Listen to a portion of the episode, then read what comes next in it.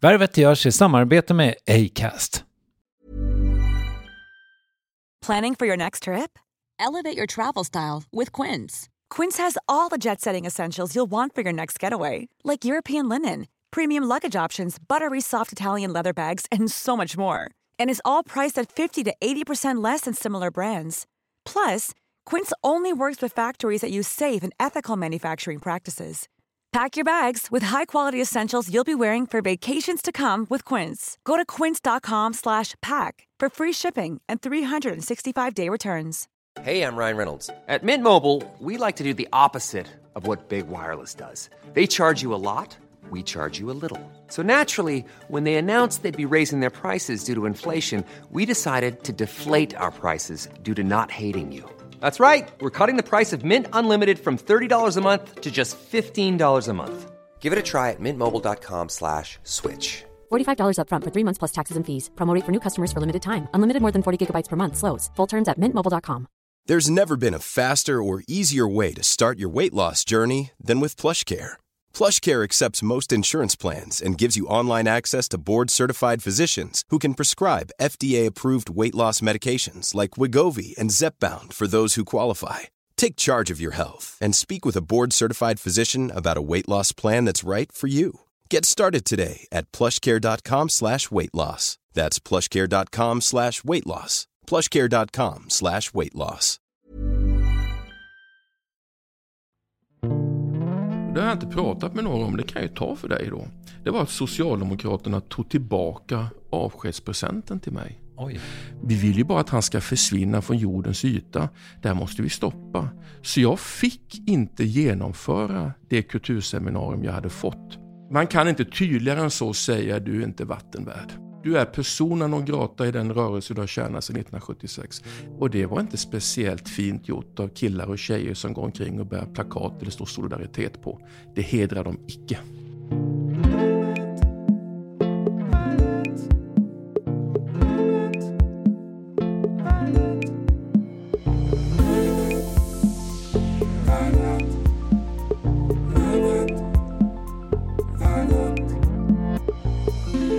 Hur minns du Håkan Juholt? För hans eh, visionära tal, det långa politiska engagemanget eller för att han är den som hittills kortast varit partiordförande för Socialdemokraterna med sina 302 dagar på posten?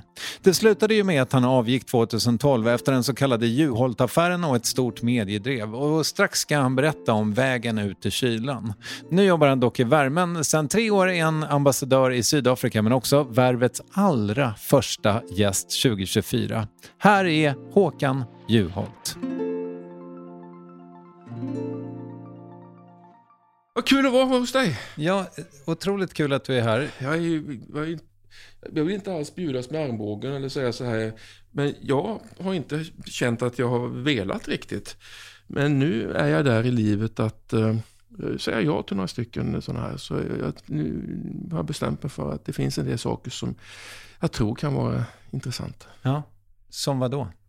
Livet. Ja. är inte det väldigt intressant? Jo, Ja. absolut. När kör vi igång? Mm? Nu, eh, det har vi gjort. Har vi gjort det? Ja, Ja. ja, det är lite oproffsigt, förlåt. Nej, det är Eh, ingen fara. Men det, det, jag tror inte att det, jag smygbandar dig, men däremot Det hade, det. det hade varit härligt att få några, för det rullade jag nämligen inte på, men det hade varit härligt att få några ord om din vänskap med Tom Aland. Ja, ehm, Tom som kom in här och före när jag skulle in till dig, eh, han, eh, eh, han gjorde ju en dokumentärfilm om mig. Eh, Och när han gjorde den så hade vi ingen vänskapsrelation alls. Det var ytterst professionellt. Han gjorde ett tv-program som journalist om en ambassadör och före detta politiker, partiledare. Men i samband med den produktionen så började vi skriva brev till varandra elektroniskt, e-mails. Och eh, nu i 60-årsåldern så har jag fått en brevvän, en vän.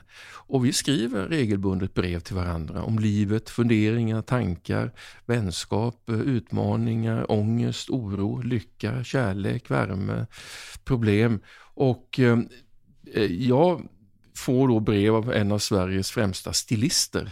Vilket gör att jag måste anstränga mig att jag vill att han ska tycka det är läsvärt att läsa det jag skriver.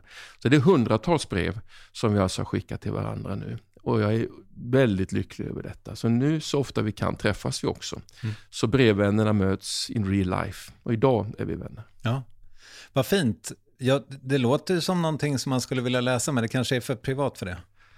Jag vet inte. Vi skriver ju för att ingen mer än vi två ska läsa det. Mm. Eh, båda två är vi, jag är ju gammal journalist och han är ju i allra högsta grad en skicklig journalist. Eh, tycker båda om att skriva. Ingen av oss har någon ambition att det här ska publiceras, men en hel del är också ganska allmänt hållet, alltså om allmän intressanta saker. Mm. Eh, förlåtelse, vad är förlåtelse idag? Vad är anständighet? Eh, visar vi varandra anständighet idag? Vem, vem är anständig egentligen? Det här oförsonliga, hårda klimatet, hur, hur kom vi till det klimatet? Hur tar vi oss därifrån igen? Hur kan vi lämna oförsonligheten bakom oss och bygga någonting som är mjukare, varmare, präglat av gemenskap istället? Den sortens frågor skriver vi till varandra om. Ja, kommer ni fram till något då? Ja, det är stora frågor. Ja, det, ja vi, vi, vi, är nog ganska överens om att det rusar i fel riktning. Mm. Det är väldigt mycket som är bra med tidsandan. Innovationer, eh, vi ligger på teknisk framkant, eh, utvecklingen är positiv. Men kittet mellan oss människor tunnas ut. Mm. Ehm, banden mellan oss människor tunnas ut. Och de allra flesta av oss rör oss i kretsar med sådana som tänker likadant, uttrycker sig på samma sätt. Och allt mer sällan möter vi respektfullt oliktänkande eller med andra bakgrunder. Så det här det kittet som håller ihop oss, idén om samhället, det håller på att glida oss ur händerna. Och det får det inte göra. Hur lagar man det? Jag tror att det enda sättet är att vi pratar med varandra, att vi skapar miljöer där vi visar varandra nyfikenhet, respekt. Jag, brukar leka med tanken, tänk om ledande politiker i en, i en partiledardebatt skulle helt plötsligt säga, men Ebba, det där var ju en jättebra idé. Mm. Det har inte jag och mitt parti tänkt på. Jag kan inte ge stöd direkt nu, men jag lovar dig att vi ska omedelbart titta på det förslaget, för det var intressant. Mm. Eller maktmänniskor som, som uppvisar tvivel. Jag brukar säga att Tage Danielsson uttryckte ju det här utan tvivel är man inte klok. Va? Um, ja, jag som ledande företagare eller politiker, jag ser att vi behöver göra så här. Man skulle också kunna göra så. Men jag har nog kommit fram till att det här är en bättre lösning på grund av det och det. Men jag är inte helt säker på att vi väljer det rätta. Men vi måste ändå välja ett av dem. Alltså bjud in mig i resonemanget, mm. i tankarna. Sluta med de här självsäkra tweet eller löpsedelsorden som bara staplas på varandra med utropstecken. Mm. Visa mig tvivel, resonemang, ömsinthet mot varandra, beröm varandra. Eh, säg att eh, jag tycker att du är en väldigt bra politisk motståndare. Vi har väldigt bra politiker i vårt land. Försätter vi det klimatet på ledande nivå, då kanske vi som inte är där inspireras. Och istället för att attackera de som inte tycker som mig, så kanske vi säger, men vänta nu, jag tycker inte alls som dig. Hjälp mig att förstå, varför tycker du så? Mm. För jag kanske har tänkt fel. Eh, jag tror att vi behöver mer av den sortens resonemang. Mindre av oförsonlighet, mer av anständighet. Mm. Det finns en bild som jag, nu kan jag ha fått lite faktafel här och i sådana fall skulle jag kunna ta om det, men för typ då 62 år sedan, eller vad det är, så mm. föddes det uppenbarligen en idealist någonstans i Småland. I Småland, ja precis. Och i, tror jag i tonåren sätter sig då i någonting som eventuellt hette Diana-lokalen. Oj, vad du har läst på. Och eh, författar brev till Gorbatjov om hur Oj. vi ska eh, få bort eh, kärnvapnen. Oj. Mm. Ja, jag tror till och med att det var Brezhnev. Men, okay. men ja, det är riktigt. Ja. Eh, oj. Det, oj. Jag var så nyfiken på, liksom, den där som tänker att precis fan mig allt är möjligt. Om, när vi skriver här från Oskarshamn till Moskva, ja, men då kommer ju de säkert fatta. Det låter lite så, den, den där delen när du pratar om hur du vill att politiken ska funka, det är liksom egentligen samma idealist va? Eller? Vad imponerad jag blev. Där tog du mig på sängen på att säga. Eh, eh, jag hade privilegiet att få växa upp med en känsla av att allting är möjligt. Allt är möjligt om vi organiserar oss, om vi bildar opinion, om vi är starka. Då kan vi förändra världen. Allt. Hela vägen till att avveckla kärnvapnen. Mm. Och jag är så förfärad över att många, mina vuxna söner nu i, i 30-årsåldern, upplever att det går inte. Det är omöjligt. Man kan inte påverka. Utvecklingen går åt fel håll. Jag fick hela mitt liv med en känsla av att självklart är det möjligt. Det är klart att vi kan ta ner månen om vi anstränger oss på ett eller annat sätt. Så det är riktigt. Jag var 14-15 år där, satt och skrev till USAs och Sovjetunionens ledare och lyckades samla ihop några ytterligare namn där bland ungdomarna i Oskarshamn på skolorna. Så skickade vi till dem och sa att vi vill faktiskt inte att ni fortsätter med den här kapprustningen med kärnvapen och vi förväntar oss att ni lyssnar på oss. Mm. Uh, och det fanns ju ingen Google Translate, så jag satt mig med den här uppslagsboken och översatte. Vi kunde inte skriva på ryska men båda breven blev på engelska. Så jag gick till posten och postade röstade dem och tog för givet att nu har vi löst det där. Mm. det så, riktigt så naiva var vi inte, men vi gav i alla fall uttryck för vår åsikt och vi ansåg att det är möjligt. Och om människor över hela jorden gör samma sak, kanske de någon gång då lyssnar på oss. Och det var en 14-årings privilegium att få leva i en tid där vi kan faktiskt göra allt möjligt som vi vill. Och Det känner jag är den, min stora sorg idag. Eh, att vi har en, en ung generation som väldigt många upplever det som att det går inte att påverka. Det finns ingen möjlighet, det går åt fel håll. Vi, vi, framtidsoptimismen måste komma tillbaka. Det är klart att det kommer att bli bättre. Men då måste vi också göra saker tillsammans. Det finns en del grejer vi måste se till att vi fixar tillsammans. Det är då tillbaka till det här resonemanget om samhället som idé. Vad är, det, vad är det för samhälle vi vill ha? Hur vill vi det ska se ut om 30 år? Mm. I, I förrgår så fick jag mitt andra barnbarn. Det är därför jag är hemma i Sverige. Ja. För att välkomna, jag ska åka ner till Linköping nu ikväll eh, och, och, och, hälsa på barnbarnet. Och, eh, eh, vad är det för Sverige han, en kille, kommer leva i på sin myndighetsdag? Mm. Då vill jag att de som har makten beskriver vart de vill ta Sverige då. Mm. Hur ska det se ut? Hur lever vi då? Om de får bestämma. Och jag är lite orolig för att idag är det väldigt mycket här och nu och yta. Jag vill ha mer där och djup. Det skulle jag tycka var trevligt. Mm. Men är allt möjligt då? Är det, handlar det bara om en inställning? Ja, ja, ja, absolut. Därför börjar vi lista det som, alltså, jag ska inte upphäva fysikens lagar, det är inte det jag talar om, men allt det som vi människor kan påverka. Olof Palme sa ju samhället är ju människans verk, det som är fel kan vi förändra, påverka. Det är ju vi som sätter ramarna och genomför den samhällsmodell, det samhälle vi önskar. Eh, och det är klart att allt är möjligt att förändra. Mm. Verkligen. Men om vi tar ett aktuellt exempel då. Nu vet jag att du är ju liksom, det här är ju inte din, ditt bord längre. Men, men det faktum att unga killar skjuter ihjäl varandra mm. i parti och minut här liksom i Stockholm och på andra platser i Sverige. Det breder ut sig verkligen. Det är, det är tryggt att veta att de svenska partierna samfällt gör allt de kan nu för att stoppa detta. Det hör inte hemma i Sverige. Det ska ut ifrån Sverige. Det ska avslutas det kapitlet, detta sorgliga kapitel i vår historia. Och med alla till bud stående medel. Oförsonligt ska det buset bekämpas. Det ska inte få äta sig fast. Eh, jag är helt gjort. övertygad om att det är möjligt. Mm. Men det har ju bitit sig fast. Det har bitit sig fast, men det går självklart att bryta ner det.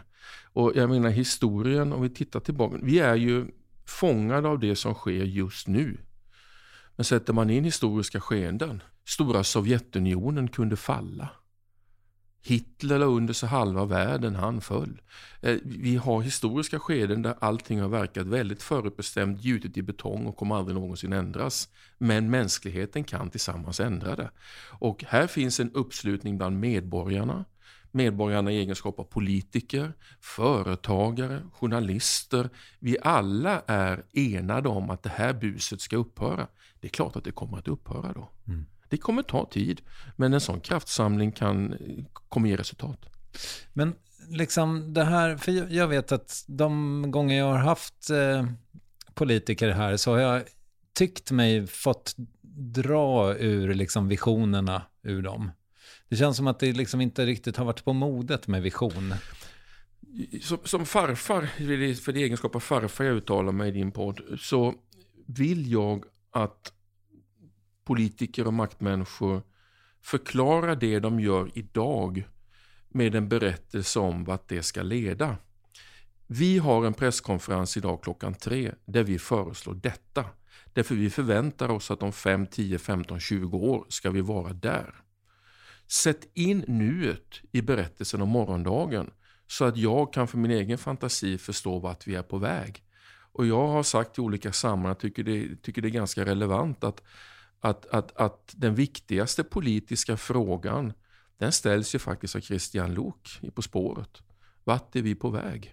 Är ni beredda? Ja. Jag undrar som vanligt, vart är vi på väg? Och eh, jag vill att ledningar i olika partier och andra maktmänniskor ska ge svar på det. Vi är på väg dit. Tycker vi att bostadssegregationen är ett problem, då presenterar vi en åtgärd här nu klockan 15, därför det ska ta oss dit om 5, 10, 15 år. Eller vad det nu kan vara för något exempel. Sätt in dagens handlande i er berättelse om vart vi ska. Mm. Då tror jag också att respekten för politiken ökar. Men hur ser det ut? Jag menar, nu är ju du ändå diplomat. Mm. Eh, liksom, har du några goda exempel från världen? Eller går det åt helvete överallt? Alltså, jag, jag, det är klart att det finns goda exempel. Civilsamhället eh, organiserar sig, tar över där där kanske kommuner eller stater drar sig tillbaka. Jag ser det i Sydafrika. Då kliver olika NGOs, Non-Governmental Organizations, andra fram och organiserar samhället byggt på någon form av medmänsklig gemenskap. Det är ju det stora hoppet att i grund och botten så, så är vi i första hand medmänniskor, inte motmänniskor. Utan jag mår bra när du mår bra. Ehm, jag mår faktiskt inte lika bra när du mår dåligt. Det tror jag är en grundbas för att vara människa. Och det är en drivkraft som man inte ska bortse ifrån. De exemplen ser jag i Sydafrika väldigt mycket. Men när det gäller utveckling inom eh, att få ihop samhällen, att minska klyftor oss emellan. Eh, där tycker jag att det på de allra flesta håll går åt fel håll. Där vi ställs emot varandra. Där väldigt många ledare i världen använder, bygger sin maktbas på att man ställer människor mot varandra. Mm. Jag anser att det är livsfarligt. Då skapar vi ju en generation av motmänniskor. Medan vi måste faktiskt vara medmänniskor. Och det politiska ledarskapet måste syfta till att skapa medmänniskor.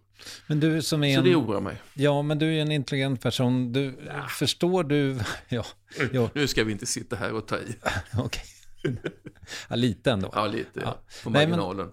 Nej, men, men eh, jag menar, du har ju liksom sett eh, ultrahögern, om vi mm. slarvigt kallar den ja. för det, eh, växa fram i, ja. i liksom västvärlden, Europa. Varför? Har den gjort det? Det finns nog inget enkelt svar på det. Det är nog flera saker som kombineras. Det ena är när globaliseringen, teknikutveckling, urbanisering eller vad vi än beskriver det som går väldigt fort. Då finns det alltid många som känner att vänta nu, jag hänger inte med. Vad har jag för nytta av detta?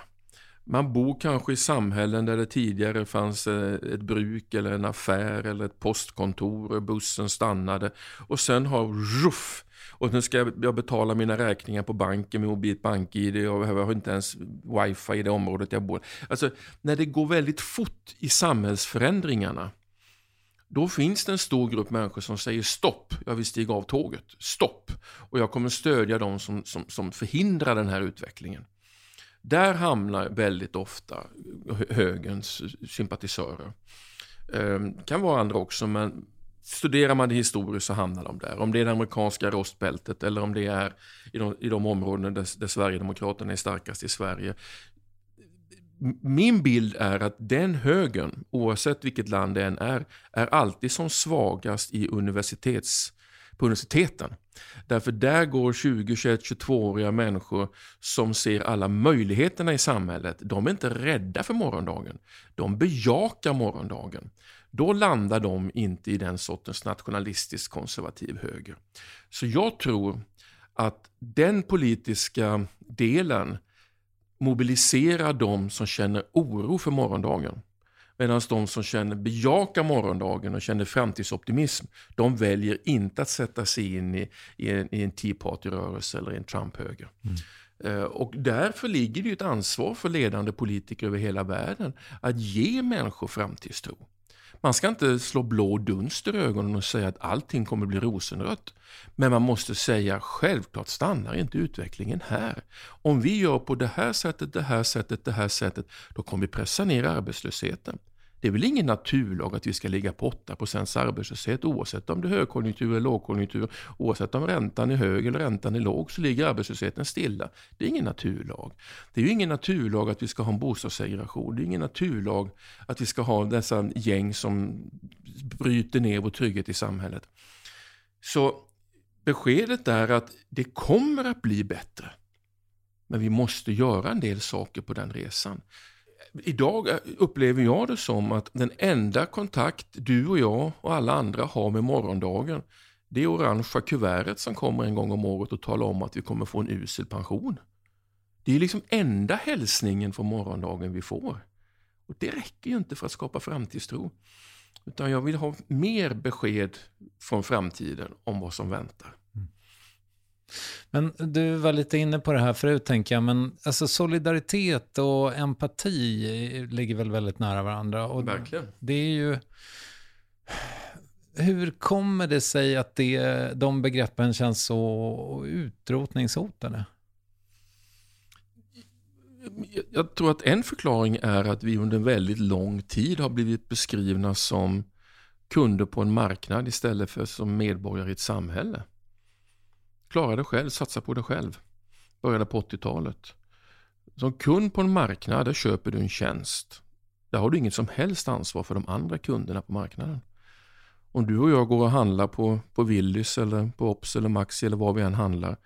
Och Sen står det en helt främmande människa framför oss och vi tittar i varukorgen och säger att himmel och pannkaka, det här var inte bra. Vi går ju inte fram och säger du kära vän, jag heter det och det. Du vet om att det är livsfarligt mycket transfetter i de här grejerna du har köpt. Mm. Det gör vi inte, för vi har inget ansvar för den. I och med att vi är kunder bara, vi ska bara göra en bra affär. Men om jag är medborgare i ett samhälle, då har jag ansvar för att dina barn har en bra barnomsorg. Mm. Och då har du ansvar för att mina föräldrar har en bra äldreomsorg. Därför då hänger vi ihop. Mm. Men om vi år efter år, årtionde efter årtionde identifierar oss som kunder på en marknad, ja då är ju kittet borta. Då är det bara jag som gäller, inte viet. Så jag tror att det kan vara en av förklaringarna och det är därför man måste tillbaka till ett resonemang om vad är samhället? Vad är idén med samhället egentligen? Mm. Mer än bara enskilda resor. Men liksom, det, nu känns det ju som att du har lämnat politiken mm. och du, du liksom brinner för visionen. Ser du liksom i ungdomsförbunden eller sådär att ja, men där finns det ändå liksom en, en tillväxt för det visionära? Jag tror, att de visionär, jag tror inte att de politiska ungdomsförbunden kanaliserar alla visioner och, och engagemang som unga människor har. Verkligen inte. De organiserar ju bara en bråkdel av de ungdomar som finns. Men jag är ju helt övertygad om att den unga generationen brinner för att åstadkomma en samhällsförändring. För de är de som ska leva längst i den här världen. Oavsett om det handlar om klimatfrågan eller om det handlar om solidaritetsfrågan eller vad det än handlar om. Så där tror jag att otåligheten är som störst. Därför är det ju livsfarligt om de som är som mest otåliga tvingas bli hopplösa. Förlora framtidstron. Då blir det ju grus i det svenska maskineriet på allvar. Det tycker jag är oroande. Men eh, okej, okay, men uh, okay, jag, jag, vet inte hur jag ska formulera om frågan för att jag ska få lite framtidshopp i alla fall. framtidshoppet är att jag tror att vi är individualister naturligtvis, men vi är samtidigt flockdjur. Vi lever i gemenskap med människor. Och jag tror också att vi har den drivkraften att vi vill utvecklas. Du utvecklas inte om du är i en fysisk grupp eller en digital grupp där alla har samma uppfattning som du. Där ni bekräftar varandra, där ni hatar de som inte tycker som er och ni bara scratch varandras back hela tiden. För i den här gruppen är vi så jävla tajta och håller ihop. Det sker ju noll utveckling där. Vi som art, vi som människor kan endast utvecklas när vi bryts mot andra som har andra uppfattningar, annan bakgrund, andra erfarenheter. Det är då vi växer. Och jag tror att den drivkraften finns i oss. Även om vi just nu är i en tidsanda där vi är lite fortfarande i chock över alla sociala medier, digitaliseringen och individualiseringen. Men eh, det behöver inte vara normaltillståndet framöver. Jag tror att vi kommer söka oss till gemenskaper där inte alla är som jag, tänker som jag, tycker som jag. Därför jag kommer känna att det där gör mig mycket bättre. Mm. Jag trivs mycket bättre där. Jag är så optimistisk, jag tror att vi tar oss dit. Det kan ta en tid, just nu går riktningen i en annan riktning, men jag tror vi tar oss dit. Studiecirkel-Sverige är inte dött kanske, eller? Det behöver inte nödvändigtvis att man en tisdagkväll går och sätter sig i en ABF-lokal eller Medborgarskolan-lokal, eh, dricker kaffe och äter en vetekrans och, och, och, pratar om arbetslivets förnyelse. Det behöver inte innebära det. Det är bra om man gör det. Men överhuvudtaget mötesplatserna. Eh, jag pratade med några om eh, det här ytterst föråldrade, förlegade begreppet som jag inte, man lovade dem att inte använda mer fritidsgård eller ungdomsgård. Men där det gemensamma, där vi tillsammans skapar plattformar för att mötas. Idag är det ju egentligen bara McDonalds och eh, dyra kaféer där man ska betala 50 kronor för en kanelbulle. Eh, det är, ju, det är egentligen bara den sortens mötesplatser som finns. Men att skapa de här gemensamma ytorna som är attraktiva, inte bara så som rum utan också med aktiviteter. Om det är en bilverkstad där man reparerar bilar eller om det är en musikstudio eller, vad det nu än är. Där det är en access. Därför att vi är medborgare i ett samhälle. Eh, vi köper inte den tjänsten. Utan vi är medborgare och vi, vi, vi, vi inser att vi kommer att utvecklas åt bättre håll, bli starkare om vi faktiskt får chans att mötas på fler platser de skalas ju bort i stor utsträckning. Jag kommer ihåg när jag kom in i Oskarshamns kommunfullmäktige 1982. Då hade vi en lång lista på de öppna förskolor som skulle öppnas i kommunen. Och när jag lämnade fullmäktige 23 år senare, då hade vi en lång lista på de som skulle stängas. Mm. Och eh, jag är inte övertygad om att det var rätt. Mm. Vad har du för gemenskaper? Jag, har, jag, har, jag, känner, jag känner att jag lever i en gemenskap där här i Sverige finns det värderingar som är väldigt starka som jag gillar. Som ambassadör säger jag aldrig det här är starka svenska värderingar. Utan jag säger det här är värderingar som är starka i Sverige. Därför det är självklart inte några unika värderingar för oss utan de är ju universella. Det finns värderingar här som är väldigt starka. Eh, det finns en, en, en önskan om att, att inte låta klyftorna öka allt för mycket. De allra flesta människor vet att jämlikhet också har en tillväxtfaktor. De allra flesta som är väldigt förmögna, de vet att de skulle faktiskt inte få det sämre om man ökar köpkraften hos de som har minst. Därför då kommer de spendera sina pengar. Då kommer de köpa kläder, en cykel eller göra någonting. De kommer inte sätta in det på den amerikanska pensionsfonder utan det kommer gå rakt in i konsumtion. Jag tror att det finns en, både bland ekonomer och allmänheten, en insikt om att samhället blir bättre om det hålls ihop. Vi ska inte alla vara lika. Jag talar inte om det. Jämlikhet är inte detsamma som att vi alla är lika. Men att extrema klyftor får samhället att driva isär. Jag tror att de allra flesta känner också att en extrem bostadssegregation driver isär samhället. En skolsegregation driver isär samhället. Och jag känner att det är värderingar som är starka i Sverige. Men så här ska vi nog inte ha det. Låt oss se vad gick fel? Vad ska vi behålla av det gamla, det nygamla för att forma det som vi ska ha framöver för att få ihop det lite bättre. Mm. Jag, och det, jag, jag är optimist där. Och jag tror inte det handlar om vänster eller höger, stad eller land. Utan det är nog värderingar som är starka generellt sett i vårt land. Att det blir nog bättre för oss alla om vi får stopp på denna segregation, att vi glider isär. Men du var ju eh, aktiv politiker under mm. många år. Mm. Har du en skuld, delskuld ja, i det här? Ja, ja. Mm. Det är klart jag har skuld. Vi har alla skuld. Ja, jag tror att min skuld är att eh, eh, jag inte var tillräckligt vaksam på hur små beslut i, i, över tid kan leda till stora effekter. Även om jag generellt sett varit motståndare till utförsäljning av det gemensamma så har jag självklart också varit inblandad i sådant. Det där bör utvärderas tycker jag. Blev det bra? Ett tag så var ju debatten att det gemensamma ska äga allting. Sen slår ju pendeln i taket åt andra hållet. Det gemensamma ska inte äga någonting. Det gemensamma ska bara köpa eller hyra av de som äger vi kanske ska landa någonstans i mitten där och säga att det här är det faktiskt väldigt, väldigt bra om vi äger gemensamt utan vinstintressen. Mm. Det här blir bra om det drivs privat och att vi köper den tjänsten. Men hur skulle det ens gå till att man skulle liksom återförstatliga vården och skolan? Nej, det tror jag inte, men det, är ny, det som nyöppnas okay. kan ju nyöppnas i den regin.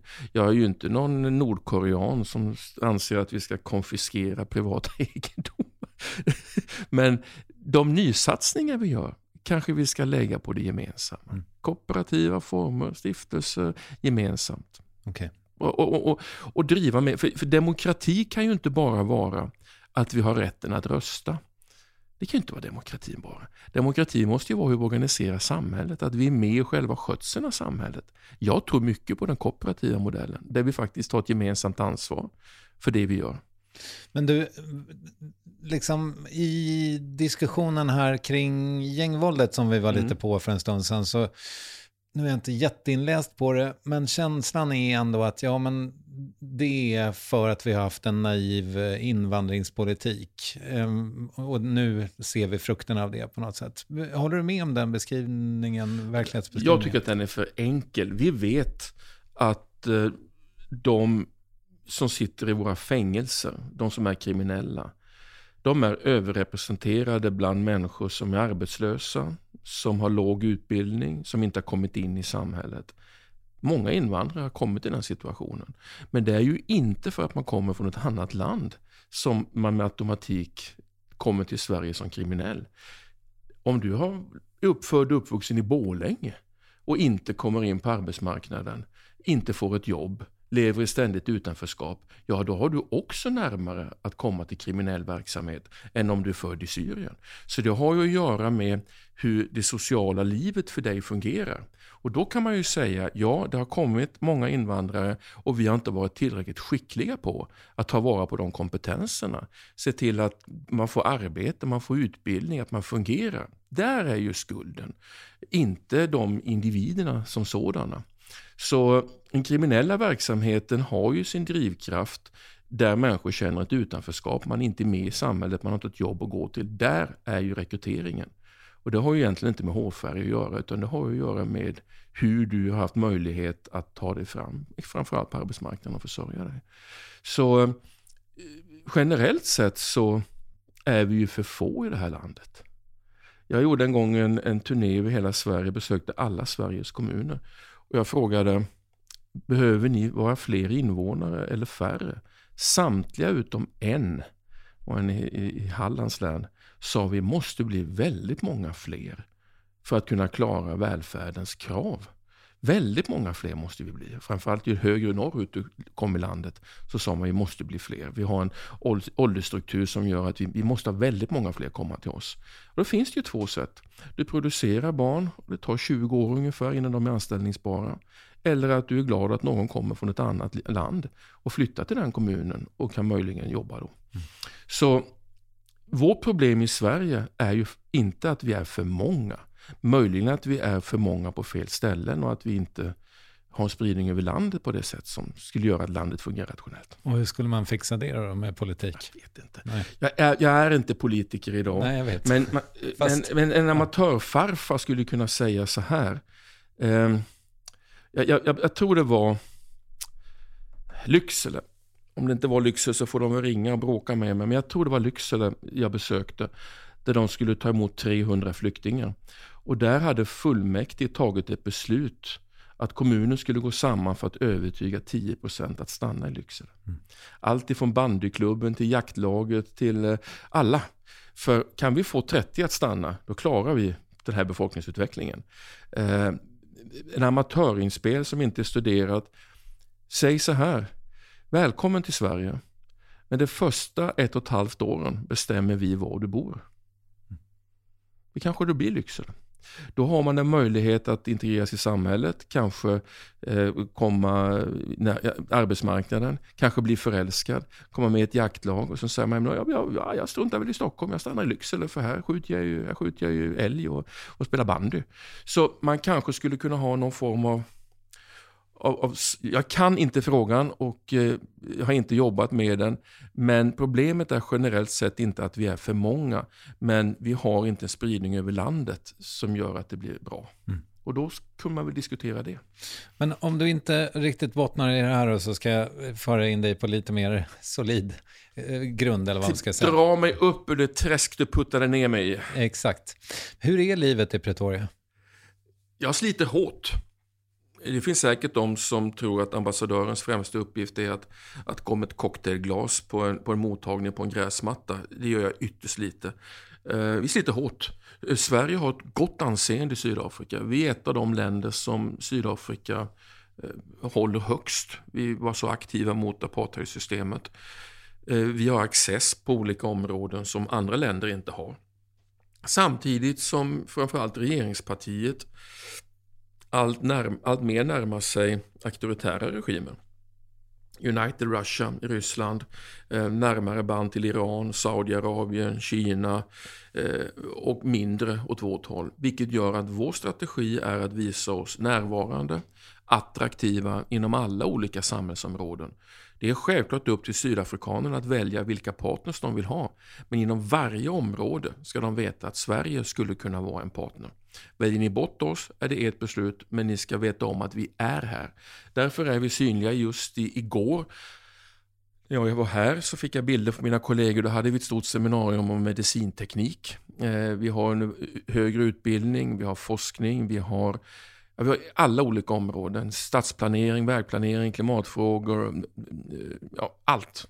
Eh, eh, rymdforskning, vad det än är. Det finns inget samhällsområde som vi inte bevakar och som vi gör någonting kring för att stärka det här bandet mellan Sverige och Sydafrika.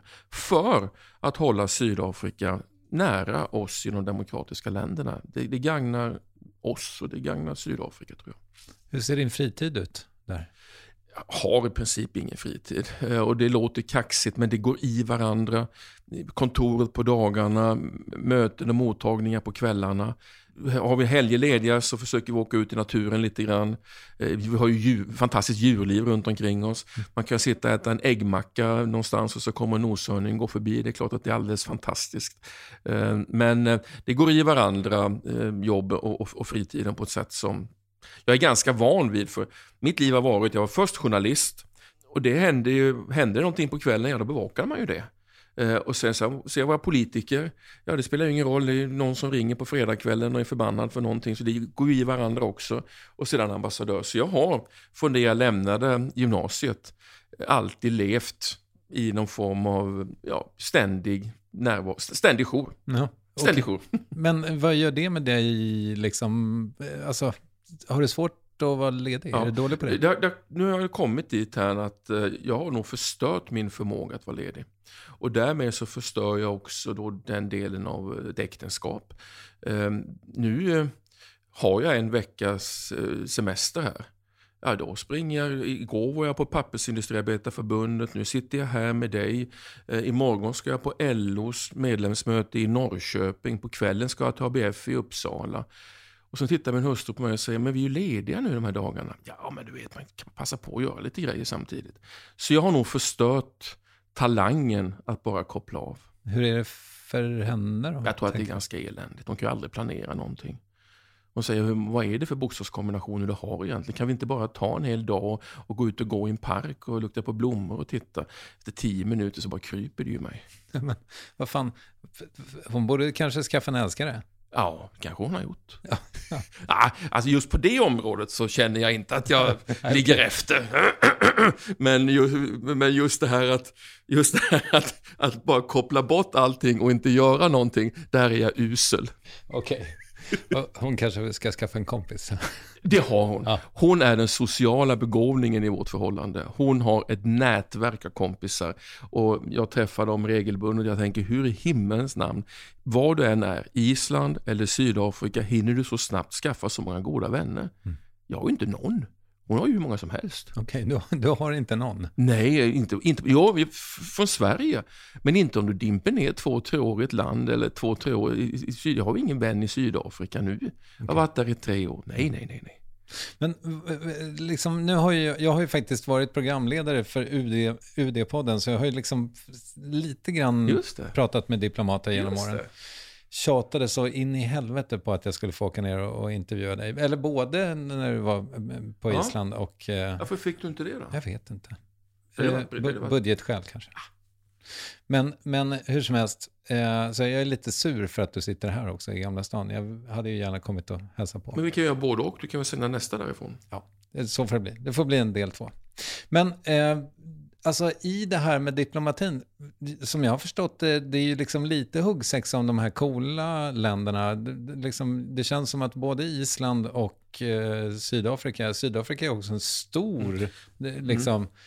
Varför har I, du lyckats få ja, de här? I, Island tror jag var på det sättet att... Eh, det var längst bort? Nej, men jag hade ju varit i riksdagen väldigt länge, eh, lämnat som partiledare. Och jag ville ju vara kvar, jag var fortfarande samhällsengagerad. Så jag åkte ju runt i, i vårt land och talade mycket politik och hade fler än 450, 470 möten. Och då du lärde känna Tom Arland? Ja, just det. Då dök han upp där vid något tillfälle precis mm. också. Eh, det är som en liten folk, landsvägsagitator.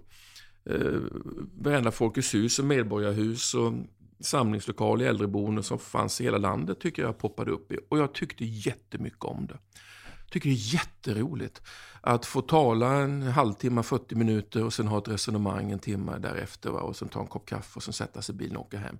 Jag tycker om det. Det är ingen uppoffring. Jag, jag älskar det till och med. Jag är född och uppvuxen i den sortens miljöer och jag, och jag trivs där. Uh, men jag började samtidigt uttrycka mer och mer politiska åsikter och en frustration över hur jag tyckte att socialdemokratin kanske inte jag är, jag är brottsligt lojal med mina efterträdare, med Stefan Löfven och Magdalena Andersson. Jag är inte en sån som sitter på läktaren och säger ni gör ett dåligt jobb. Men jag började tala allt mer om vad jag tycker bör ske, vad bör hända, hur politikens inriktning skulle kunna vara och vad jag själv vill åstadkomma utan att, utan att kandidera på något sätt. Och jag tror att det där till slut uppfattas lite grann som ett hot av den socialdemokratiska ledningen. Jag drog väldigt mycket folk, det var fullsatt vart jag än kom. Så då var det väl någon smart som sa, men vänta, vi måste få tyst på honom på något sätt. Vi skickar, vi gör ambassadör av honom. Och det, det, hade jag inte fått. jag hade sagt, jag vill gärna ha det. Men det tog ju, det tog ju sex år. Eh, så det var ju inte som så att, ja, nu har Håkan Lennartsson, som Socialdemokraternas ordförande. Nu, nu, skickar vi honom som ambassadör som tack för lång och trogen tjänst. Nej, Socialdemokraterna ville bara gräva en grop bakom 68 eh, på Sveavägen och slänga ner mig i gropen och lägga en, en, en presenning över. Det var det man önskade. Är det så det känns? Absolut. Snälla någon. Det erbjudande att ha vara på mig på något sätt som jag fick då av partiledningen, det var att bli ordförande i arbetarrörelsens eh, arkiv. Okay. Två det var en tydlig degradering. Två styrelsemöten per år. Mm. Men då, då, sa jag till ledningen att jag är helt övertygad om att ni hittar någon bättre lämpad än mig, så den posten vill jag inte kandidera. Det var den relationen jag hade med Socialdemokraterna efter jag laddade, land, lämnade som ordförande. Jag fick också en lapp eh, med en kontaktuppgift till en psykolog som låg då på mitt skrivbord ifall jag behövde ringa en psykolog. Så en lapp med kontaktuppgifter till psykolog och erbjudande om att bli ordförande i arbetarrörelsens arkiv. Mm. Och då kände jag att Socialdemokraterna vill inte ha med mig att göra. Behöver de inte det, eh, jag lämnar. Jag har, ingenting, jag har inga problem med det. Så åkte jag runt i landet och eh, talade istället utifrån mina egna erfarenheter.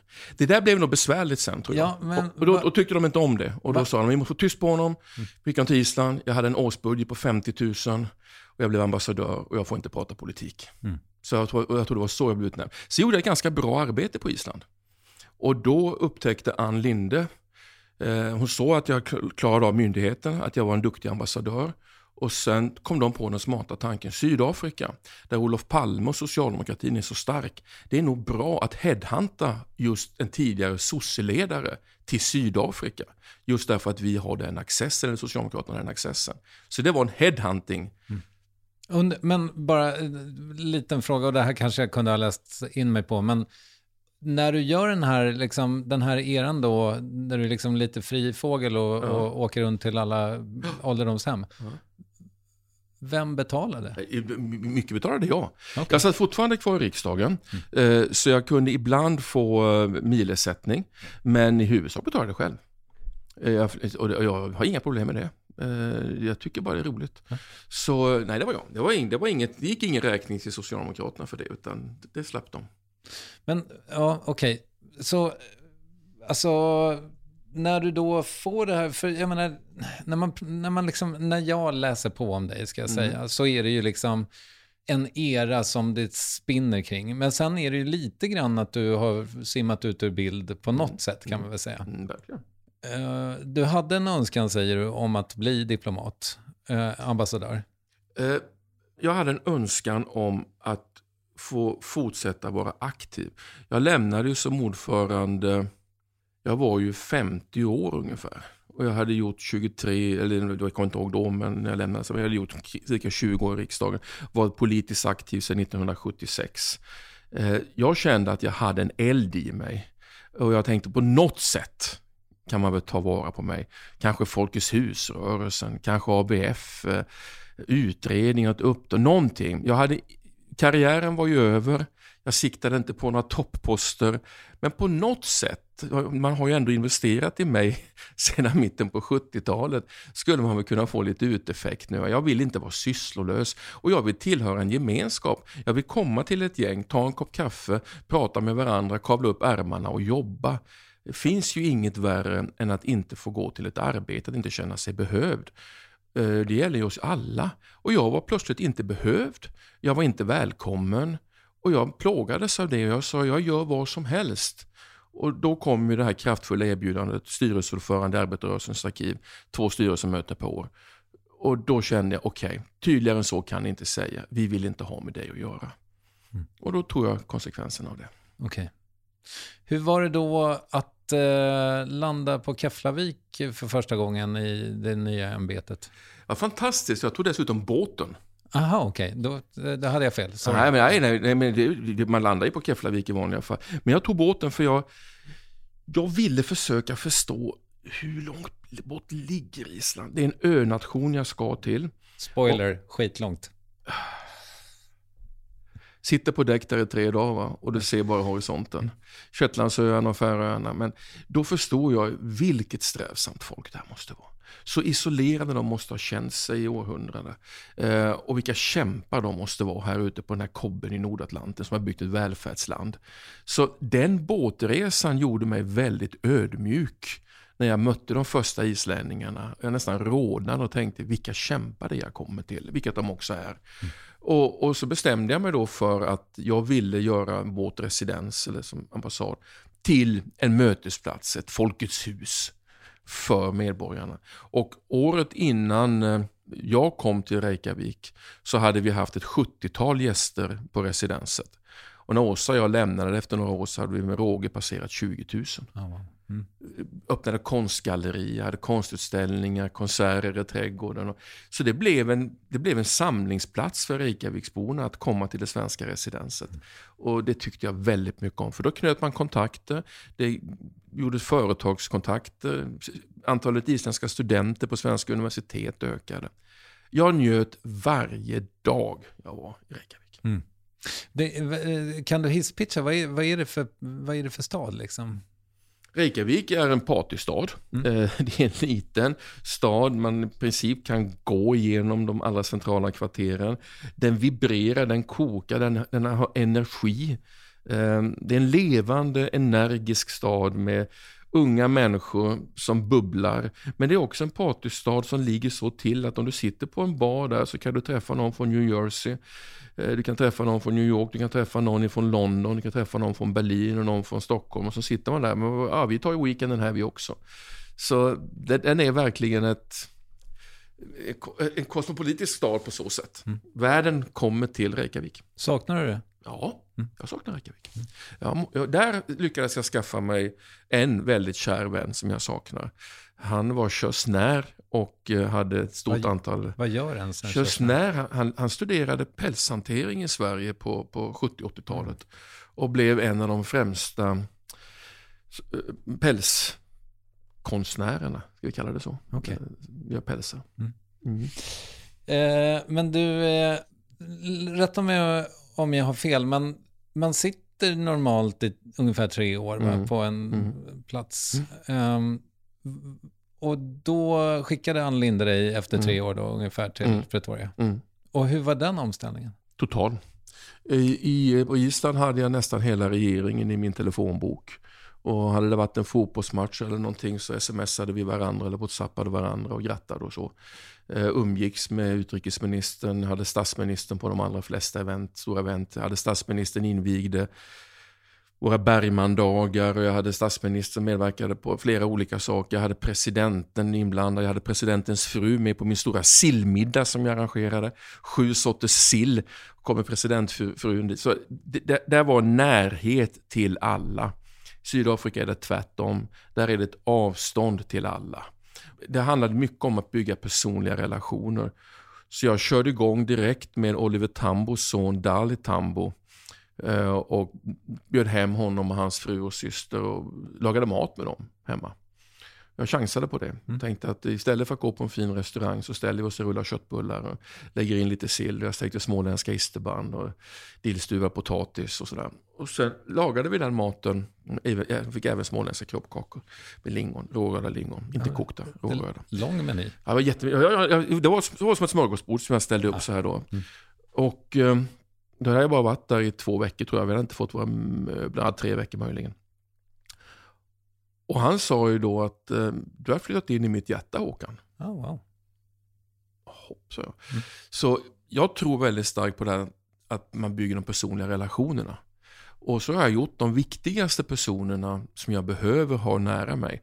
De bjuder jag och sen så lagar vi mat tillsammans. Jag frågar deras sekreterare är det en timme eller två timmar, ja, eller tre timmar? Ja, det är en och en halv timme som han eller hon kan vara hos dig. Bra. Lagar vi mat 15 minuter, pratar en timme och så äter vi 15 minuter. Eh, och då har vi liksom gått den cirkeln och helt plötsligt så uppstod, jag hade ganska nyligen vice justitieministern hemma som aldrig hade ätit isterband naturligtvis hela sitt liv. Mm.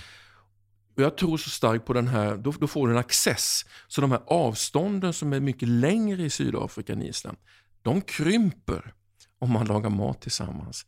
Men de är lika långa om du går på en fin krog som kostar skattebetalarna mer pengar dessutom. Så jag kallar det liksom silldiplomati. Mm. Skrivit en bok om silldiplomati nu som har kommit ut. Att vi faktiskt kan främja Sverige och svenska företag genom att lägga in sill tillsammans. Mm. Flyger du in eh, jag tar med mig, jag, jag, nu kommer tre kylväskor med mig ner. Ah, Okej. Okay. Mm. Eh, specialbagage? Frågetecken. Nej, jag har, nej, jag, jag har tre. Jag har tre väskor. Ja. Okay. Ja. ja. jag fattar. eh, det var den ena följdfrågan. Jo, och sen eh, har ni då diskuterat att det ändå finns viss likhet med den här märkliga syd afrikanska korven som kommer Ja, i... boerwurst. Ja, exakt. Som kommer i en liksom... Den är, den är mycket kryddpeppar. Mm. Det är väldigt mycket kryddpeppar i den. Och den har ju en, en tysk, nederländsk tradition. Eh, från, boerna, bönderna som den kallas. Det är bondens korv heter den. Och eh, den finns i flera olika varianter, men den bygger på kryddpeppar. Väldigt, väldigt mycket kryddpeppar. För mycket kryddpeppar tycker jag. Men grillkulturen är ju stor i Sydafrika. Eh, första klädesplagget, en, nej inte ända, nu har jag köpt någonting mer, men det första klädesplagget jag köpte var en t-shirt där det står I just wanna bry. Mm. I Sverige funkar ju inte braj lika bra, men i Sydafrika betyder det jag vill bara grilla, för braj är grilla. Så jag har en orange, knallorange t-shirt där det står I just wanna bry på. Men du, eh, jag funderar på... um, om jag har gjort matten rätt då, så borde det väl vara liksom om den här treårscykeln, Mm. då är det nästa år det är dags att flytta. På håller jag mig fast. Jag var tre år. Ja. Jag var tre Ah, år. okej. Så, ja, så jag, jag, jag började ju då 20, så hösten 20, 21, 22, 23. Eh, och eh, jag har fått förfrågan om att stanna längre. Så jag räknar med att, att, att köra en liten stund till.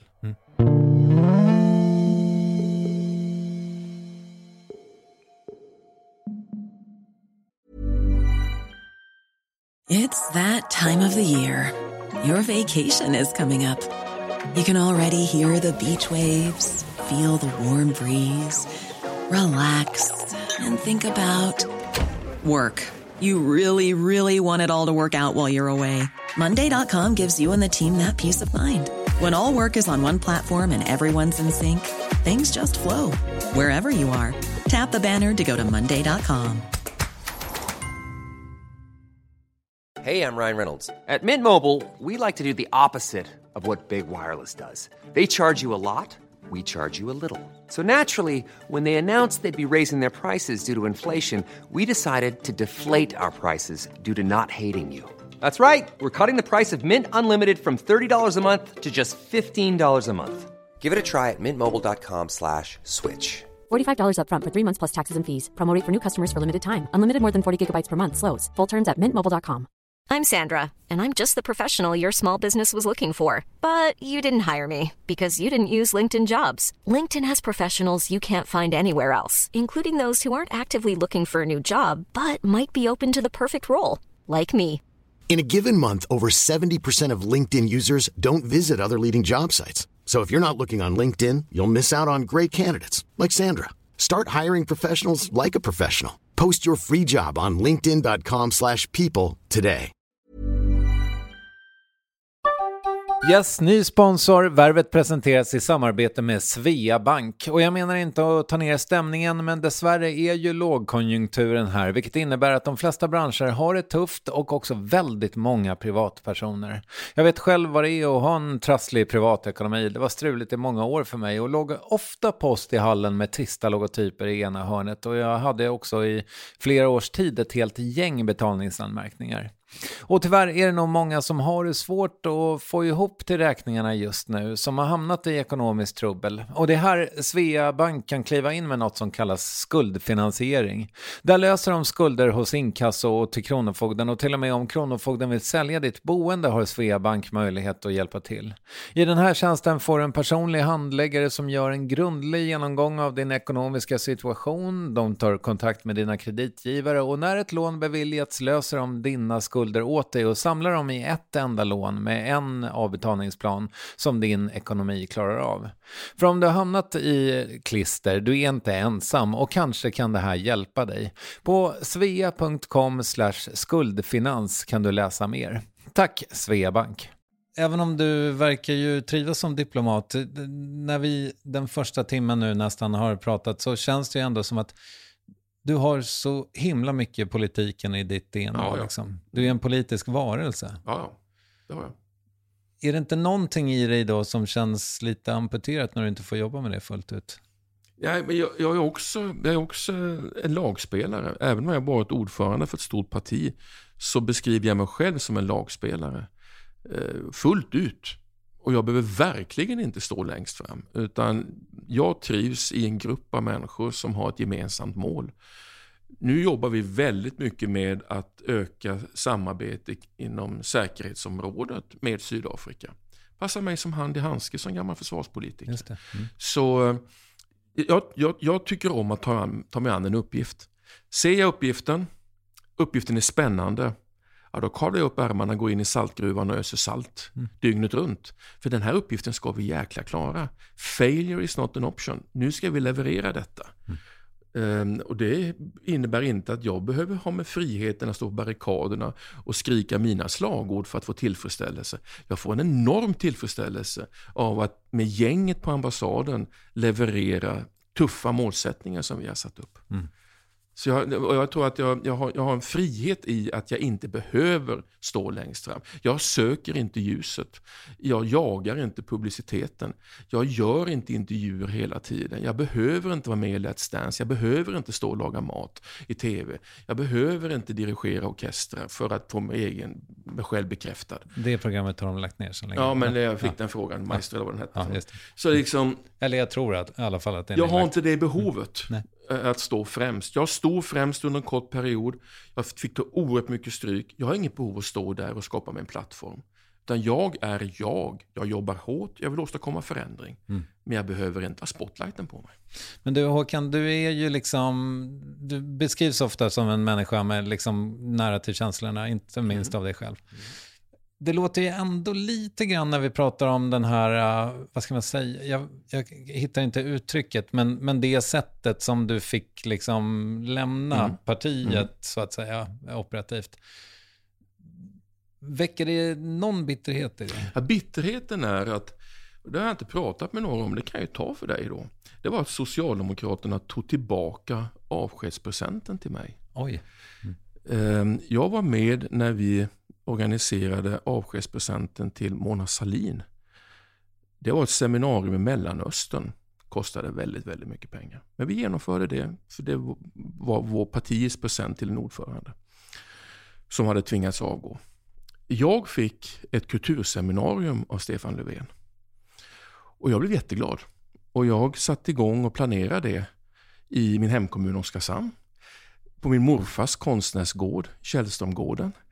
Jag pratade med den föreningen, Källströmgården. De älskade det. De la nya plattor, handikappanpassade, fixade massa olika grejer. Jag bjöd in en lång rad namnkunniga kulturpersonligheter som tackade ja för att vara med i ett samtal om kulturens betydelse och roll för att stärka demokratin, för att öka sammanhållningen i samhället. Lång lista på väldigt, väldigt bra företrädare som ville komma till Påskallavik i det här samtalet. Jag var lycklig över det. Sedan så fick jag då besked om att eh, pengarna som jag hade fått fick inte användas till det. Mm. Och jag fick ingen förklaring till varför. Det, det, var val i september och det här skulle vara i juli någon gång. Så jag, så jag förstod ju då att helt plötsligt så kände Socialdemokraterna, ja men nu är ju Håkan Juholt ett seminarium med en hel del namnkunniga personer inom kultursektorn. Vi vill ju bara att han ska försvinna från jordens yta. Det här måste vi stoppa. Så jag fick inte genomföra det kulturseminarium jag hade fått. Men då jag är lojal så skrev jag till alla dessa personer och sa av personliga skäl måste jag ställa in det här seminariumet. Därför jag ville inte orsaka den skandalen för Socialdemokraterna i augusti eller juli månad när valet var i september. Mm. En tid senare, om det var ett år eller någonting sådant, så hade Socialdemokraterna givit i uppdrag till en kille som heter Peter Gustafsson och ytterligare någon att ändå göra ett seminarium som jag inte själv var inblandad i. Som genomfördes i ABF-huset. Där spelade vänsterns blåsorkester för mig och ytterligare några medverkade. Inte en enda representant från Socialdemokraterna var i lokalen. Och då är det ändå rakt över gatan va? från eh, Inte en enda representant från riksdagsgrupp, partistyrelse eller från social, valda av Socialdemokraterna. Självklart fanns det socialdemokrater i rummet, men det var ingen som på det sättet representerade Socialdemokraterna. Den taggen bär jag. Ni ger mig en avskedspresent, ett kulturseminarium. Ni tar tillbaka det. Och när ni sen riggar det så kommer ni inte någon dit och är med. Var... Man kan inte tydligare än så säga du är inte vattenvärd. Nej, du är persona non grata. Du, liksom. du är persona non grata i den rörelse du har tjänat sedan 1976. Det kan inte sägas tydligare än så. Den bitterheten bär jag. Men den, här, den, den plågar mig ju inte. Men där visade, där bekände de färgen. Och det var inte speciellt fint gjort av killar och tjejer som går omkring och bär plakat det står solidaritet på. Det hedrar dem icke. Mm. Vad tänker du om det då? Liksom, alltså, hur ofta kommer den här... Aldrig. Nej, okay. Aldrig. Det som kommer, eh, det är när jag ser, i förrgår fick jag mitt barnbarn. Det som kommer över mig och jag inte kan frigöra mig från, det är, hade mitt politiska projekt blivit bra? Hade jag fått uppbackning, det Tommy Waidelich och jag och flera andra, det vi ville driva igenom, hade det blivit bra för Sverige? Den svaret kommer jag ju aldrig få. Den plågas jag av ibland. Mm. Hade det kunnat minska Sverigedemokraternas framgång om vi hade haft ett mer inkluderande samhälle? Jag tror att mycket av mitt sätt att uttrycka mig politiskt också hade inneburit ett alternativ för dem som valde att gå till Sverigedemokraterna. Inte för att de är Eh, främlingsfientliga utan därför att de saknar framtidstro. Och möjligen kunde jag ha givit dem framtidstro och då hade de kommit till mig och Socialdemokraterna istället. Den funderingen, den rider mig emellanåt. Hade samhällsutvecklingen kunnat bli annorlunda? Men de här eh, oförrätterna och det här tramset ledningen höll på med, ge mig en lapp till en psykolog och, och, och, och ta tillbaka gåvan, det har jag lämnat bakom mig. Men det visade också eh, faktiskt, efteråt nu så känner jag, det visar faktiskt endast hur jäkla rädda de var för mig. Mm. Men finns det människor som du inte har förlåtit? Jag tror på förlåtelse. Mm. Jag tror på förlåtelse. Och det här, det här är inte det värsta som har hänt i mitt liv. Jag, eh, ett antal år tidigare, fem sex år tidigare, gick igenom en mycket jobbig skilsmässa. Den var avsevärt jobbigare än det här. Så jag hade redan en justerad referensram. Det här, det var som ett myggbett jämfört med att få vänsterarmen avsliten. Mm.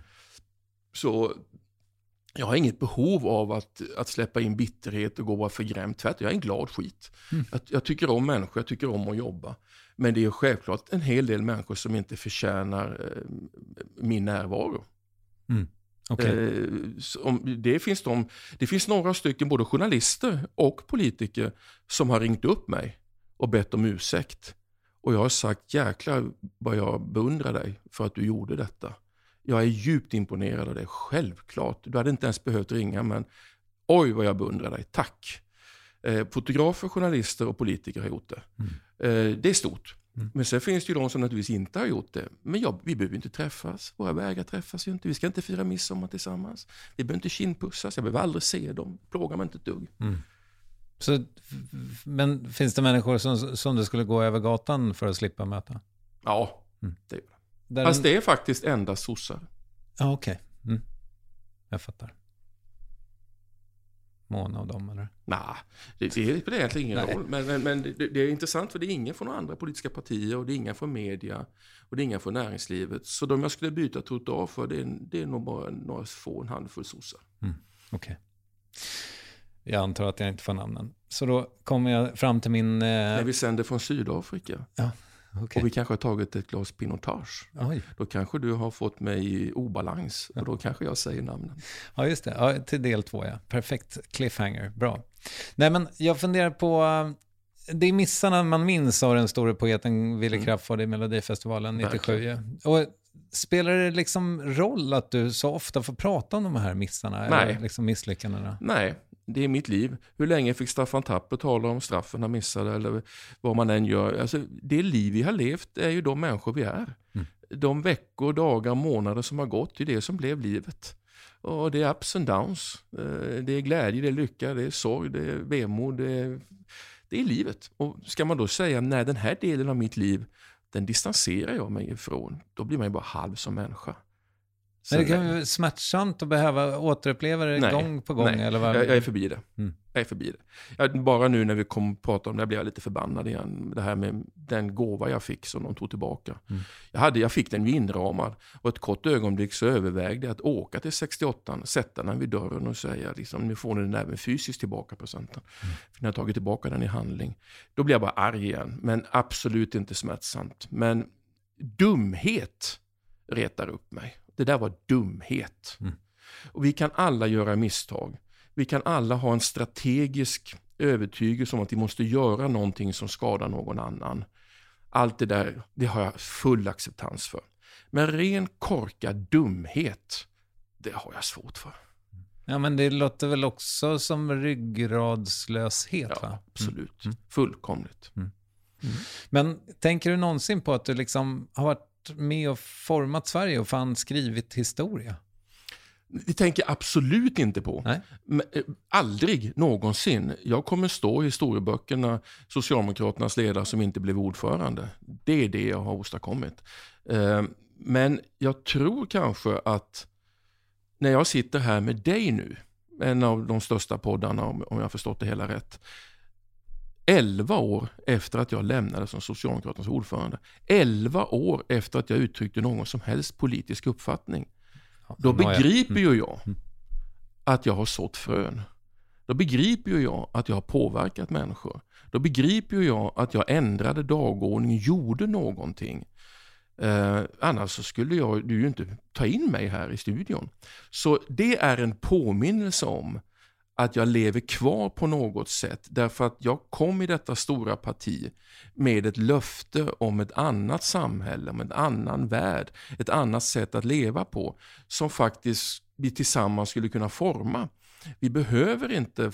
Jag, jag, jag pratade med någon ganska nyligen som sa, vet du om Håkan, jag var och lyssnade på ditt tal i, i Almedalen. Var du, sa jag, det var en ung kille. Ja. Jag minns att du talade om att alla barn skulle ha rätt att glasögon. Alla barn ska ha rätt att kunna se vad läraren skriver på tavlan. Det är liksom ingen dyr reform. Den grabben kommer ihåg att, han, att jag sa det för 11 år sedan. Mm. Och då tänkte, pratade jag med Anton nu som blir pappa igen. För jag sa du måste peppa mig lite grann om vad jag ska prata med om i värvet. För jag, jag är helt off. Och då sa han, vilka är politikernas hjärtefrågor idag? sa han. Och min son är väldigt samhällsengagerad, Anton och Viktor också. Båda två är väldigt samhällsengagerade. Och så sa de att vi tittar ut med partiledarna. Och vi tycker att de är ungefär likadana. Vi tycker att de säger ungefär samma saker. Ja, Jimmy Åkesson då kanske invandringen. Men vilken är hjärtefrågan för individerna som leder partierna? Mm. Säger, frågar Anton. Mm. Ja, säger jag, jag har inte följt det så noga, säger jag. Men den här killen kommer ihåg att för 11 år sedan så var glasögonen till barnen en jättefråga för Håkan Juholt. Mm. Det är ett konstigt svar på din fråga, eh, men när jag får sitta i en studio här och prata med dig så reflekterar jag över att jag sådde nog ett antal frön i samhället som kanske fortfarande lever. Mm. Och det jag blev så jävla fångad av, apropå Tom Aland, som ju, ja, det mm. var ju, jag blev så chockad bara, men det var fint att, att få träffa honom i verkligheten. Men det var ju att, alltså det oförtrutna brinnet som du bär på. Liksom, att den där lågan, den verkar ju aldrig falna. Nej, det brinner en eld i mig. Mm. Uh, Åsa säger ibland att jag har bokstavskombinationer. Det kan mycket väl vara som så. Men det, det rusar i mig att uh, förslösa inte tiden. Ibland så tänker jag på det här med, med fängelser. Vi hugger ju inte av händerna på kriminella och fötterna och sådär. Utan vi tar ju deras tid. Under det här året, två år, tre år kommer du inte kunna förverkliga dina drömmar som människa. Därför tiden är det dyrbaraste vi har. Mm. Så du som har gjort det här brottet, vi som samhälle straffar dig genom att ta ifrån dig tiden. Det tycker jag vi borde tänka på lite oftare. Tid är det dyrbaraste vi har. Och den ska vi fasen använda lite bättre va? än jag tycker att vi ibland gör. Också och det rusar i mig. Jag vill använda tiden mer effektivt. Också en väldigt jämlik produkt. Absolut, vi har lika mycket tid. Mm. Uh, och, och, sen ser vi, hör vi så många säga att jag hinner inte detta, jag har inte tid med detta, jag hinner inte detta. Vi människor har aldrig någonsin i mänsklighetens historia haft så mycket fritid som vi har idag. Mm. Ändå hinner vi med mindre än någonsin tidigare. Så, så um, det är nog den elden som brinner. Uh, samtidigt som jag är fortfarande den här 14-åriga grabben Mm. som skrev till Reagan och Brezhnev. Det är klart att det är möjligt. Fick du svar? Ja, Nej, de, de, de, jag tror inte de hade adressen till SSU-klubben, men jag är helt säker på att vi skrev med det i brevet. Ja. Okej. Ja. Vad, vad skönt. Jag har suttit och liksom kommit på att jag måste ställa den följdfrågan förr eller senare. Nu, Det passade den ju väldigt bra in. en timme senare så, så fick du... Nej, men för jag tänkte på det att liksom... Ja, men om vi bara ska prata lite om ditt politiska uppvaknande då. Ja. Ehm, ska vi säga var det där brinnet liksom... Jag, jag tror att jag fick en kick av att jag kunde påverka. Jag är uppvuxen i ett socialdemokratiskt hem. Min pappa var, aktiv facklig och socialdemokrat, han var grafiker. Jag var på första maj tidigt. Och, så jag, jag hade det med mig i, modersmjölken. Men sen när jag gick på högstadiet så eh, var det några, ja, halt kille, lite kraftig, var ju verkligen inte i det hippa gänget på skolan. Eh, det var det några av de tuffa tjejerna, för jag, jag pratade ju ganska mycket, va? som ville ha en rökruta. Och de kom till mig och sa, kan inte du hjälpa oss med rökrutan? Jag tror det var åttonde klass där. Det var a good cause också. Exakt. Ja. Och jag satte igång en himla arbete där mot skolledningen och argumenterade, argumenterade, argumenterade. Och till slut så gav de upp och gjorde en rökruta. Så min första politiska framgång kanske har tagit livet av ett stort antal fantastiska mä- män och kvinnor i Oskarshamn. Men den bekräftelsen jag fick av det coola gänget, för jag var den som kunde fixa fram rökrutan, tror jag blev min väg in i politiken. Och kan jag fixa den här rökrutan, ja men då kan vi se till att Reagan tar bort atombomberna. Va? Det hängde ju samma liksom. Så det finns en, en, en, en- ett driv där. Det är klart att jag kan fixa så att alla barn har glasögon. Det är helt orimligt att man ska sitta i klassrum och inte se vad som står på tavlan i ett välfärdsland. Så den finns i mig att om vi gör rätt saker, om vi prioriterar, om vi anstränger oss, om vi har en tanke med det vi vill åstadkomma. Rökrutan hade ingen längre strategisk, när jag mer imponerar på tjejerna. Men om vi har någon form av strategi för det vi vill åstadkomma, ja då är allting möjligt. Och det tänker jag inte släppa. Det är möjligt.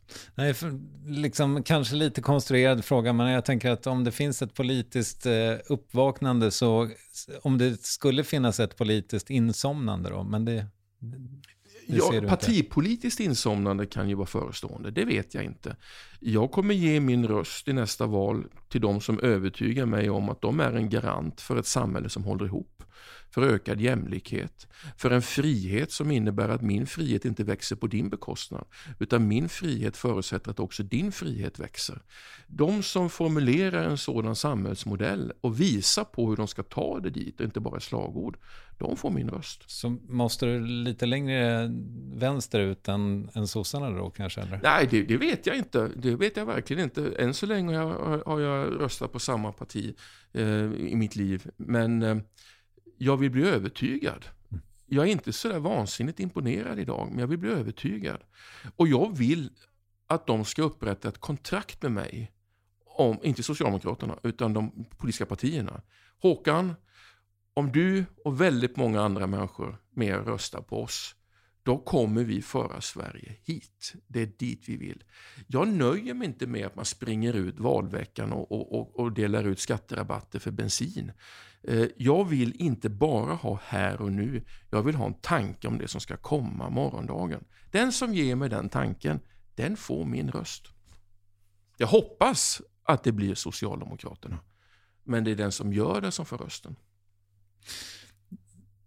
Nu hade det varit ett snyggt ställe att avsluta kände jag, men jag skulle ändå vilja ställa den här frågan. Eh, hur präglad tror du att du är av din liksom, klassbakgrund? Stort. Eh, Jag kommer ihåg när jag kom in i riksdagen och vi hade Björn von Sydow. Jag- började jobba som politisk sakkunnig hos Tage eh, G. Tage Pettersson som försvarsminister redan mitt första år i riksdagen. Skrev underlag och tal och så. Och sen fortsatte jag med Björn von Sydow. Jag kallade honom statsrådet. När vi satt så här. Hur vill statsrådet ha detta? Och till slut sa de, sluta för fan Håkan, det är Björn.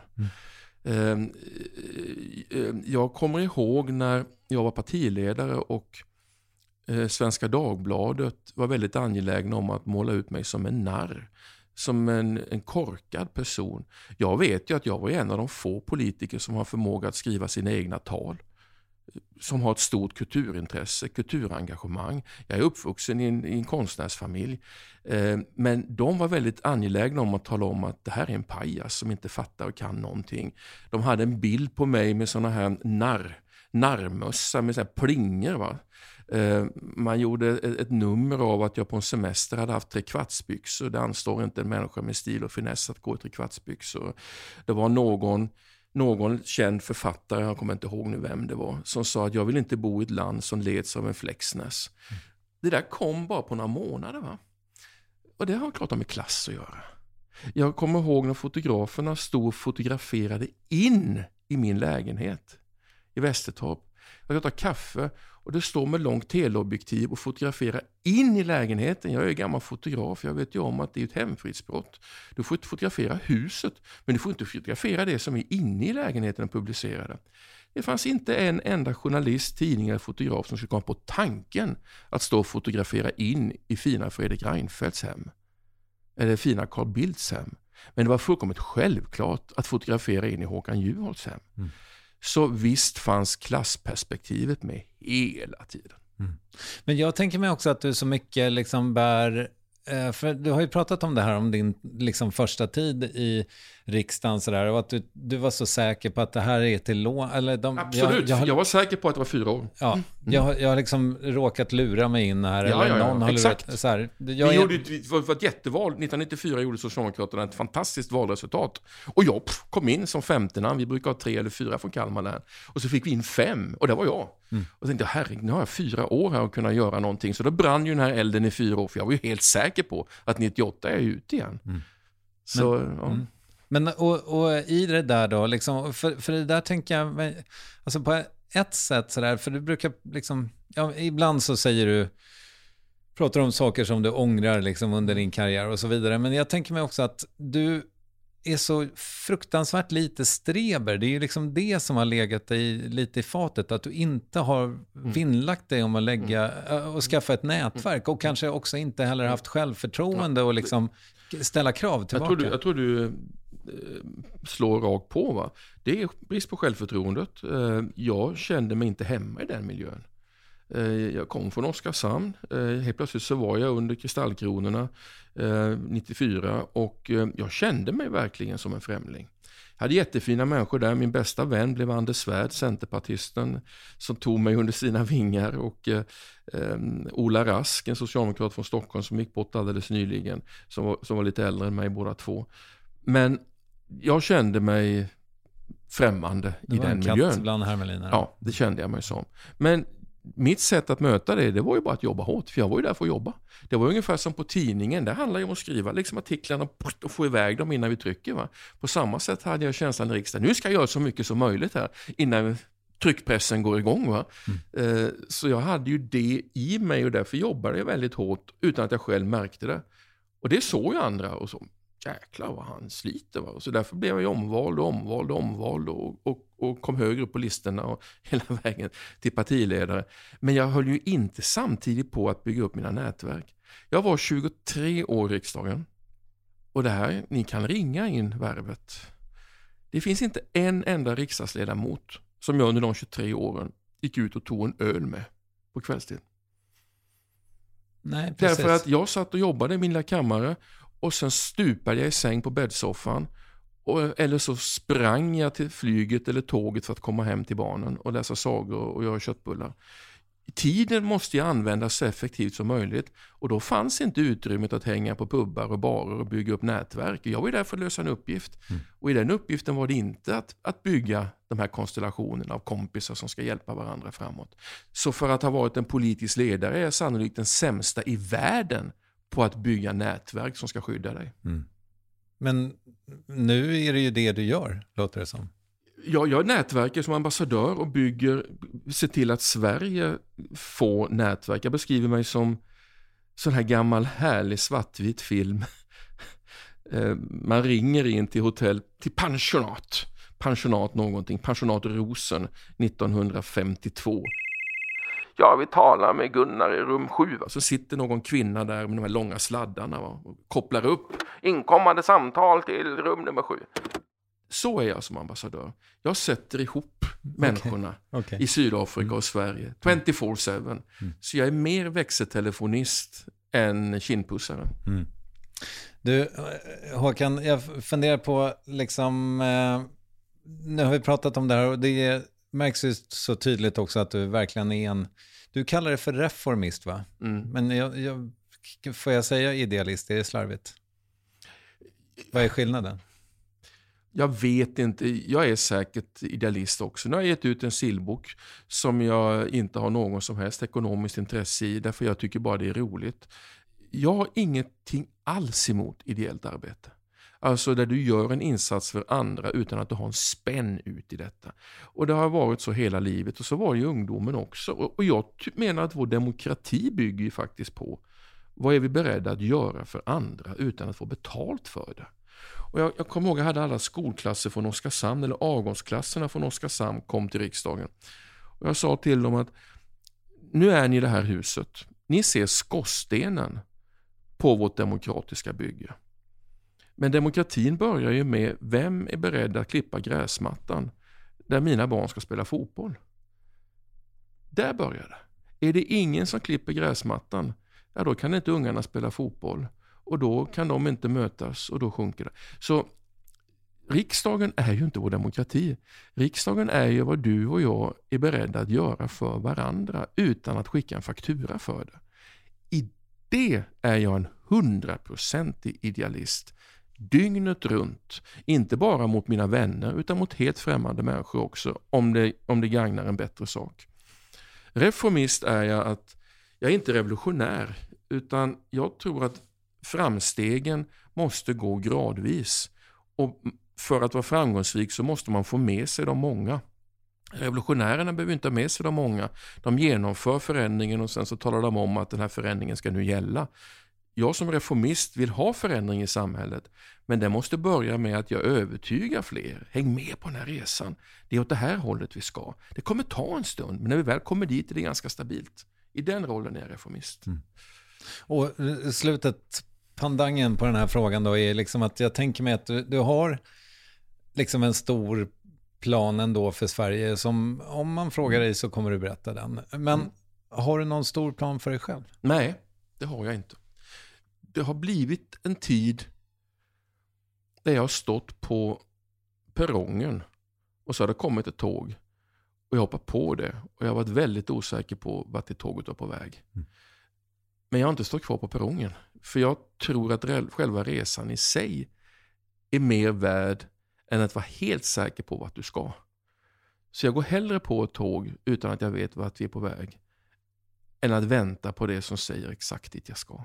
Jag har ingen plan för mig själv. Jag räknar med att vara kvar som ambassadör eh, något år till eller två, ett eller två år till. Jag räknar med därefter att lämna det offentliga. Jag hoppas kunna skriva mer. Jag är en skrivande människa. Jag tycker om att skriva. Och eh, jag hoppas att jag kommer i en sån känsla. Men jag tycker också om möten med människor.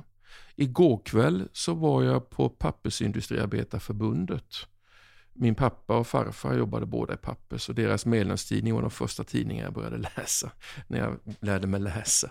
Eh, så det var liksom kändes som att komma hem när jag var hos dem och pratade om värderingar och Sydafrika och sill och lite annat. Och värmen och gemenskapen när människor kommer samman i ett rum är så oerhört viktig för mig. Att jag tror inte att jag kommer bara sitta på en kammare och skriva. Utan jag tror att jag kommer söka mig ut och se var kan jag vara? Var kan jag passa in? Den här pusselbiten som är Håkan, lite kantig och lite ojämnt formad. Var i pusslet faller den in? Tjoff, där ligger den fint. Det hoppas jag. Stort tack för att du ville komma hit. Ja, tack för att jag fick komma.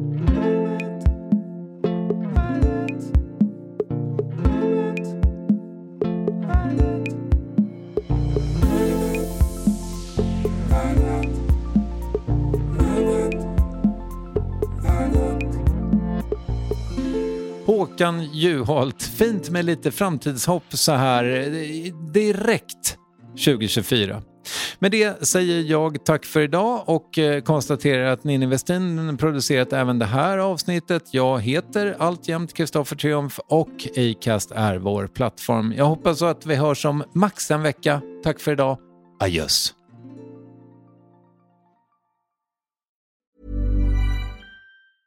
Planning for your next trip? Elevate your travel style with Quince. Quince has all the jet setting essentials you'll want for your next getaway, like European linen, premium luggage options, buttery soft Italian leather bags, and so much more. And is all priced at 50 to 80% less than similar brands. Plus, Quince only works with factories that use safe and ethical manufacturing practices. Pack your bags with high-quality essentials you'll be wearing for vacations to come with Quince. Go to quince.com slash pack for free shipping and 365-day returns. Planning for your next trip?